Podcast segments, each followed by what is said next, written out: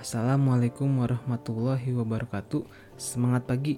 Selamat datang pada podcast pembelajaran arsitektur dan organisasi komputer. Pada pertemuan kali ini, saya akan membahas mengenai input dan output. Namun, sebelum memulai perkuliahan hari ini, dimohon untuk teman-teman mendownload materi dari input dan output pada Google Classroom atau pada Spot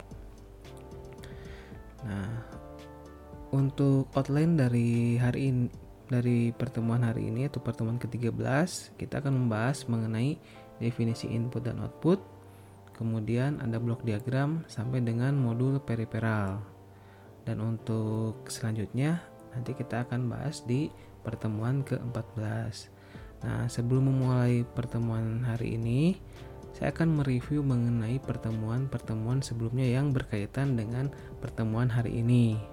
Yang kita ketahui pada salah satu pada top level view komputer terdapat ada CPU, ada main memory, dan ada bus memory di pertemuan minggu lalu dan yang sekarang kita akan membahas mengenai input output. Nah, keempat ini saling berkaitan atau saling berhubungan. Eh, dapat dilihat pada slide kelima. Di sini ada CPU, memori, ada video controller, ada keyboard controller, sama ada CD-ROM controller dan ada hard disk controller. Nah, ini merupakan komponen-komponen dan setiap komponen tersebut dikumpulkan pada satu lintasan atau saluran sebagai modul yang disebut dengan struktur interkoneksi. Nah, jadi ini ada CPU, ada memori, ada video controller, dia terhubung dengan yang namanya bus gitu ya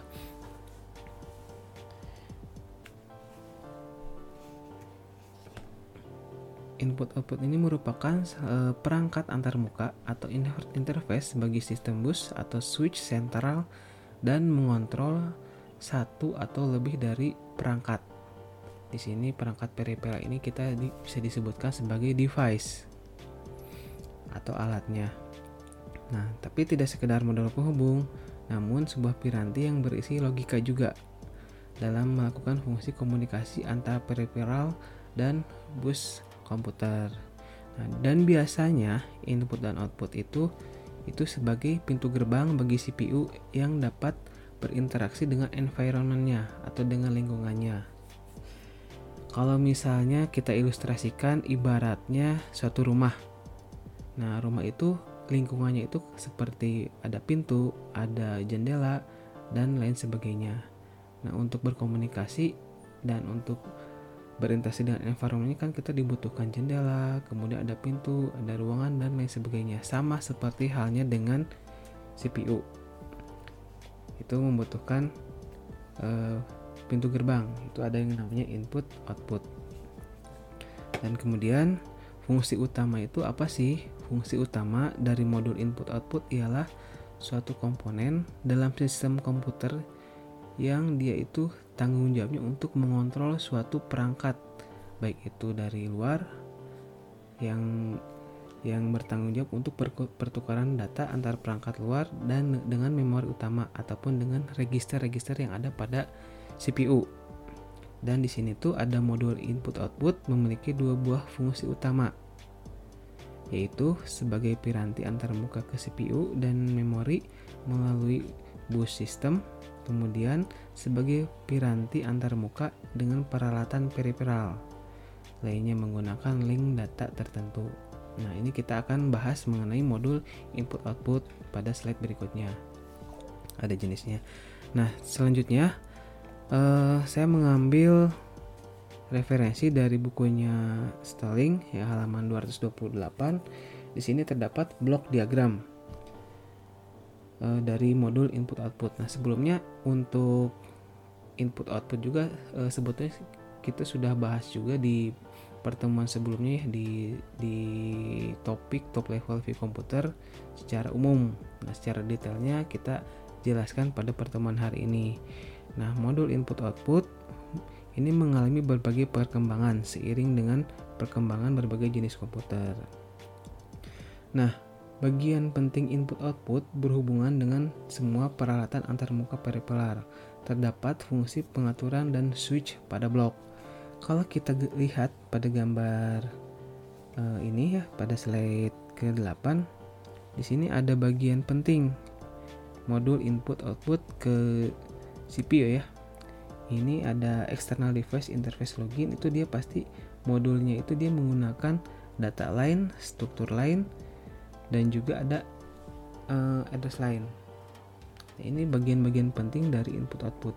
Nah, setiap komponen pasti dia mempunyai modulnya itu ada data line, address line, dan control line.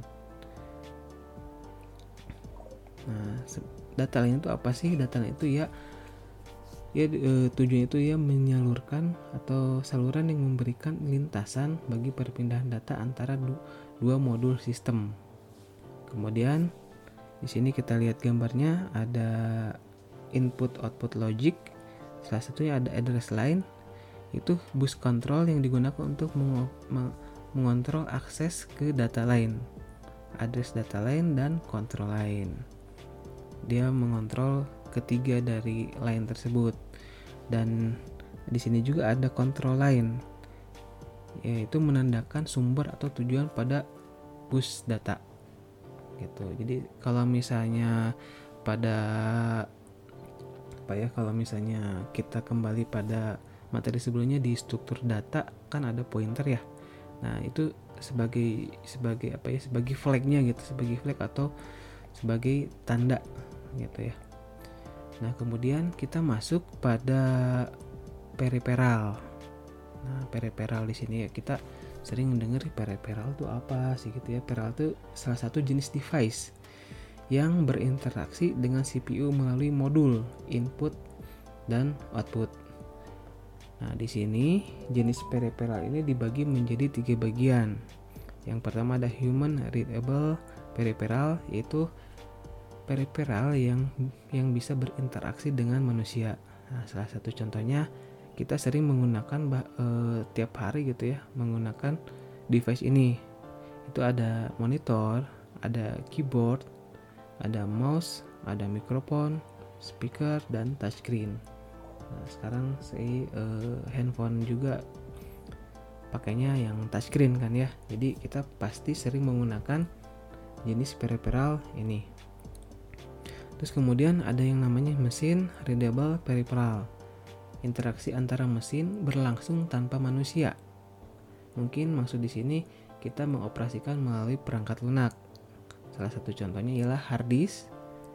Uh, kita kan bisa menyimpan suatu data tanpa harus uh, apa ya tanpa harus menyentuh harddisknya gitu kan tapi kita melalui perangkat lunak kemudian ada CD-ROM ada DVD-ROM kita membuka membuka atau mengopen CD-ROM atau DVD-ROM tersebut tanpa harus kita sebetulnya sih ada, ada caranya ya untuk mencolok atau membuka membuka apa membuka DVD-ROM atau CD-ROM supaya biar kebuka. Cuman uh, tidak dianjurkan. Nah, untuk membukanya kita pasti menggunakan yang namanya perangkat lunak atau software. Kemudian ada yang namanya communication peripheral, yaitu koneksi dengan device melalui jaringan atau komunikasi lain. Nah, ini salah satu salah satu tren yang sekarang gitu ya atau nirkabel gitu ya ada salah satu contohnya yang mulai dari awal infrared. Nah, kalau dulu sih zaman dulu itu untuk komunikasi misalnya untuk menghubungkan antara Eh, komputer dengan dengan handphone gitu ya ibaratkan itu menggunakan infrared. Kemudian setelah infrared teknologi berikutnya muncul bluetooth gitu. Dan kemudian yang sekarang ya uh, wireless gitu ya. Dan uh, kalau sekarang nggak menutup kemungkinan juga banyak lebih mudah menggunakan lebih banyak menggunakan kabel data gitu ya. Nah kalau misalnya dulu sih untuk koneksi device uh, antar device untuk menggunakan handphone yang menggunakan kabel data itu sangat jarang gitu ya.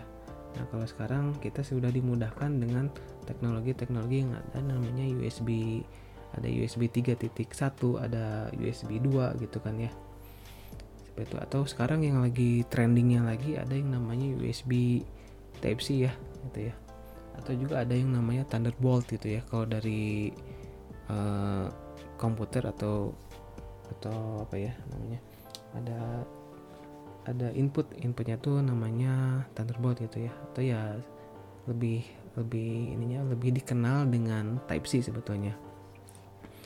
Oke nah sebelum melanjutkan dimohonkan di sini ada diskusi ya. Nah diskusi di sini yang pertama contoh peripilar yang sering yang sering teman-teman gunakan sehari-hari itu apa aja gitu ya. Kemudian e, coba jelaskan juga. Coba jelaskan karena yang namanya teknologi itu semakin cepat berkembang semakin banyak perubahannya. Coba teman-teman e, bandingkan perbedaan dari perkembangan yang pernah teman-teman dulu pakai dengan kondisi saat ini. Atau atau coba tunjukkan periperal yang sekarang lagi hype atau yang lagi happening nah untuk itu kita diskusi di ini ya di apa di WhatsApp grup nah untuk untuk podcastnya eh, teman-teman silahkan pause dulu ya. Setelah setelah teman-teman mengisi diskusi atau pendapat dari teman masing-masing masing-masing individu silahkan play kembali podcastnya ya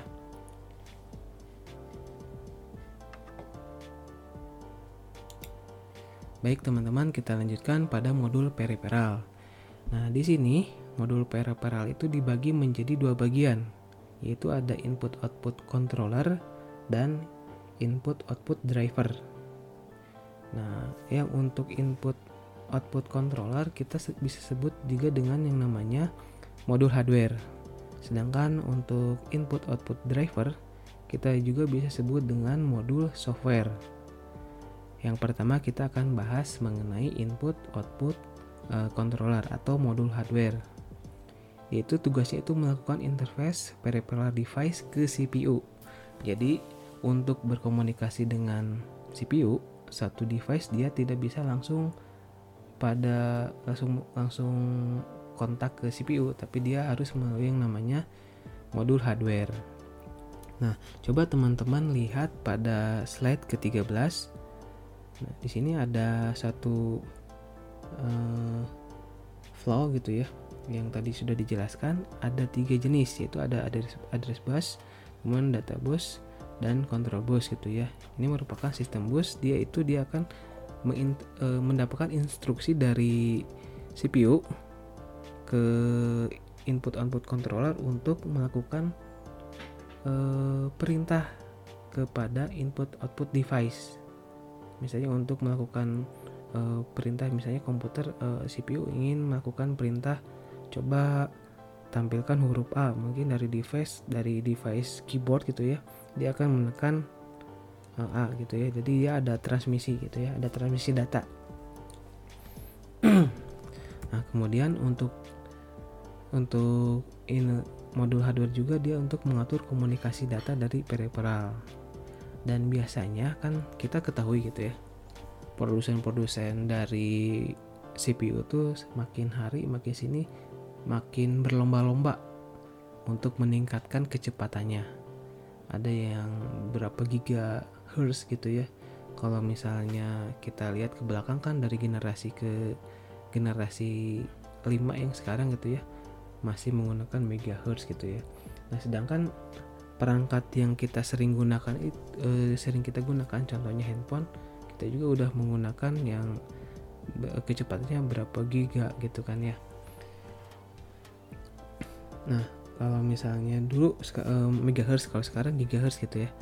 Nah kecepatan CPU itu kan bertingkat maka kita memerlukan data transmitter antara peripheral device dan control unit. Nah jadi ini masih masih berhubungan ya antara control unit yang sudah dijelaskan juga ya yang bagian dari CPU gitu ya.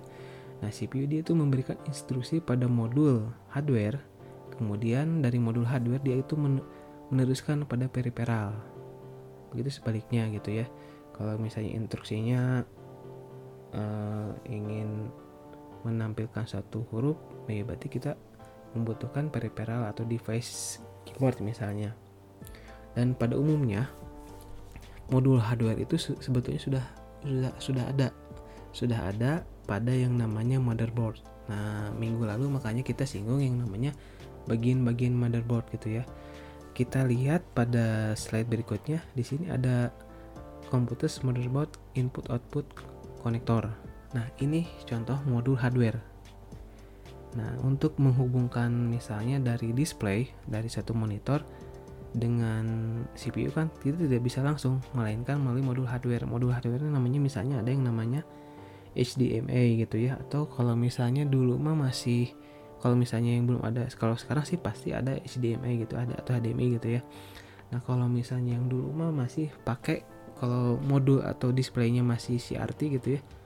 Eh, eh, apa display tabung gitu ya biasanya itu ada colokannya tuh VGA nah kita bisa lihat mirip kayak yang nomor di sub di sub out gitu ya. Cuman bentuknya seperti itu cuman ya warnanya biru gitu ya. Kabelnya tuh ada yang ada yang ada yang apa namanya kalau nggak salah mail to mail kalau nggak salah mohon untuk dikoreksi gitu ya. Kemudian di sini juga ada port USB gitu ya. Ada yang sekarang itu yang berwarna biru itu ada yang namanya port USB 3 gitu. Kemudian ada jack nah ini tuh dinamakan sebagai eh, apa? Modul controller. Nah sedangkan bagian sebelah kanan ini dimisalkan teman-teman eh, memiliki atau melihat satu perangkat yang belum memiliki USB gitu ya. Karena komputer generasi kedua gitu ya itu belum ada USB Nah, ini ada perangkatnya atau ada modul hardwarenya. Uh, mungkin ini bisa di, dimasukkan ke dalam motherboard. Ini modul hardwarenya biasanya ada PCI, ada juga AGP gitu. Mungkin untuk PCI dan AGP sudah ada di sudah ditunjukkan pada slide di pertemuan sebelumnya. Nah, ini untuk uh, modul dari hardware jika ada teman-teman ada yang mau ditanyakan atau ingin menambahkan silahkan uh, pause dulu podcastnya kemudian uh, kita diskusi di WhatsApp grup. Nah selanjutnya ada yang namanya input output uh, input output driver gitu ya. Kita bisa lihat pada pada slide ke-16 gitu ya. Di sini sebetulnya eh, yang paling bawah itu di bagian bawah itu namanya peripheral device. Nah, peripheral device itu dia terhubung melalui yang namanya input output controller atau modul hardware. Misalnya untuk keyboard dan mouse dia memiliki modul hardware atau apa ya namanya ya portnya gitu ya portnya. Nah port tersebut dia terhubung ke CPU itu melalui yang namanya input output uh, software atau input output driver keyboard uh, device uh, device driver gitu ya. Biasanya sering kita sebut yang namanya driver. Nah sebetulnya untuk input output driver oh ya ini untuk input output struktur saya dapatkan dari ini ya dari dari dari satu materi dari operating operating system. Ya cuman ini agak sebetulnya agak menyinggung-nyinggung dari dari perkuliahan dari sistem operasi. Nah mungkin nanti di sistem informa informasi, eh maaf eh, sistem apa operating system gitu ya nanti agak ketemu lagi gitu ya ada lanjutannya tapi lebih banyak ke perangkat lunaknya gitu. Tuh. Jadi kita singgung aja untuk yang input output driver dia agak menyinggung ke yang namanya operating system. Nah, untuk input output driver yaitu menggunakan inter interface yang sesuai maka proses interkoneksi atau pertukaran data antara dua atau lebih dari device dia akan berlangsung dengan aman dan sempurna. Selain hardware atau modul hardware, software interface, software interface atau juga disebut dengan modul driver atau input output driver, dia itu bisa menghubungkan sarana sarananya itu antara lain ada software dengan software, ada hardware dengan hardware, ada juga dengan hardware dengan software. Pasti eh, pastikan kalau misalnya software dengan software kita ingin ingin berkomunikasi antara software A dan software B itu biasanya yang satu produk biasanya sudah bisa terhubung gitu ya menggunakan driver atau menggunakan yang namanya library gitu ya. Nah, sedangkan untuk hardware dengan software misalnya e, contoh contoh kecilnya gini aja. Misalnya kita ingin mencetak. Kita kan mencetak itu menggunakan printer ya. Nah, pasti kita membutuhkan driver printer. Nah, kalau misalnya dengan menggunakan e, modul driver driver printer, maka kita bisa mengoperasikan printer tersebut. Contohnya.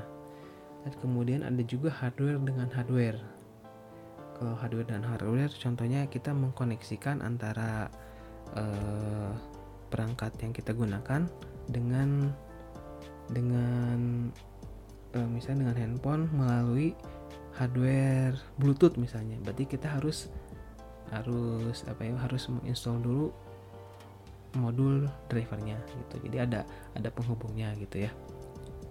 Mungkin untuk penjelasan sangat singkat ini eh, mengenai input output sampai sini dulu. Untuk selanjutnya ada di pertemuan selanjutnya ada yang namanya transfer data antara software dan hardware atau teknik teknisnya itu kita menggunakan program mode uh, eh, IO gitu ya atau inter, inter ya, dan kemudian ada interrupt mode dan juga ada DMA mode gitu ya uh, nanti kita bahas pada pertemuan selanjutnya Mungkin itu saja yang dapat saya sampaikan. Kurangnya mohon maaf. Dan jika ada yang mau ditambahkan sangat eh, sangat dipersilahkan untuk menambahkan. Kita lanjutkan pada grup diskusi. Demikian dari podcast hari ini dengan eh, mudah-mudahan materi dapat bermanfaat dan dapat men, dapat bermanfaat dan mendapatkan sesuatu yang baru gitu ya Demikian, terima kasih. Assalamualaikum warahmatullahi wabarakatuh. Stay safe, stay at home, stay healthy, dan jangan lupa berdoa. Terima kasih.